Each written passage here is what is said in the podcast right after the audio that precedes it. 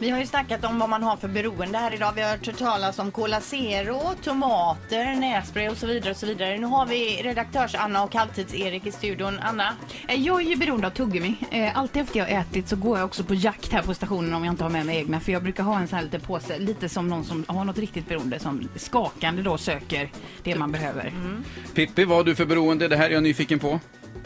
Ja, eh, det är ju räkor på fredag. ja, så äter du räkor varje varje fredag? fredag?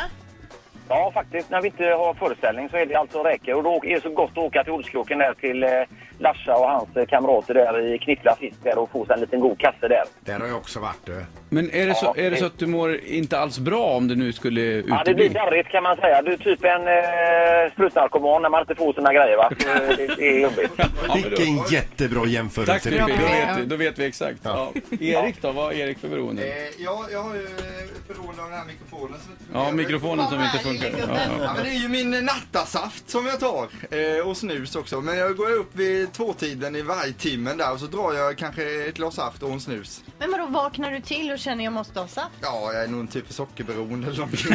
Det kan vara det, Men ja. jag går, måste gå upp och ta lite saft så går jag och lägger mig igen och somnar om. Men snusen då? Tar du ut snusen innan du lägger dig igen? Ja, snusa snabbt där en liten stund. Men saft, hur gammal är du? Eh, 36 fyller Ja, jag nästa nej, år, okej, så att jag ja, är 35. ja. Men saft är gott alltså. Ja, jo, ja, absolut, absolut. Det ringer här också, vi kan svara och kolla vad som händer här nu. Ja. Mix Megapol. Tjena! Hej! lägga på eller? Nej, Nej, det nej, behöver- nej, det behöver du nej, inte nej. göra. Ringer du med anledning av det här vad man är beroende av?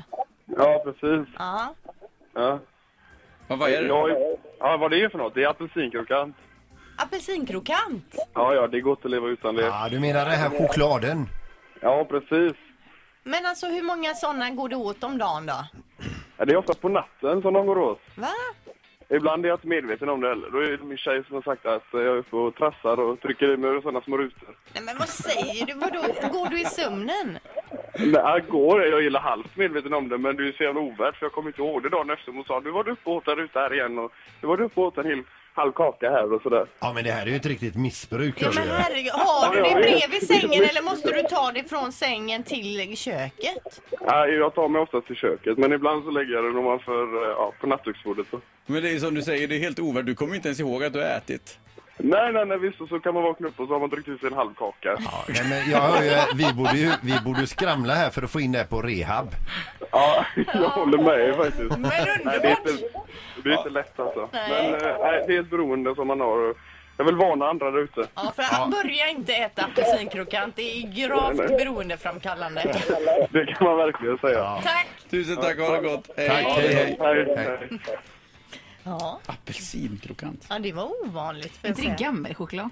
Jo men lite precis som eh, sådana här marmeladkulor. Ja. Eller skotte som jag älskar. Sen gillar jag också. Det finns den Gör det? fortfarande. Det gör jag. undrar Vet du vad? När jag var i en, på en bensinmack och så, f- så letade jag där efter skotte då. Så sa jag till han, "Men alltså har ni ingen skotte? Skotte, han var väl 25-årsåldern. Skotte, jag trodde inte det var någon som åt det. Nej, men vadå, det är som eh, äter ni romrussinglass och dricker ju kaffe på bit också, Ja. eller hur funkar det? Alltså nu ja. heter det ju romrussin, inte Ja, ja, ja, ja, romrussin. ja, ja. Till att börja med. Jag måste säga, jag ser en trend här eh, i det här samtalet och i i mig själv. Det är att vi kommer börja äta på nätterna mycket mer i samhället nu. Är det bra? Jag säger inte att det är bra, men jag ser en trend. Jag äter på nätterna, han äter på nätterna. Ja, det är två då. Ja, det är det är två Och där har vi utav trenden. Kanske fem miljarder. Det är en trend. Bra Erik! Kom ihåg var ni hörde det först. Mix Megapols morgongäng. Ett poddtips från Podplay.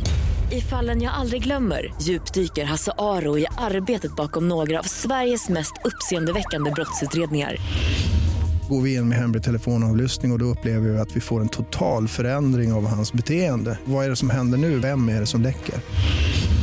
Och så säger han att jag är kriminell, jag har varit kriminell i hela mitt liv men att mörda ett barn, där går min gräns. Nya säsongen av Fallen jag aldrig glömmer på Podplay.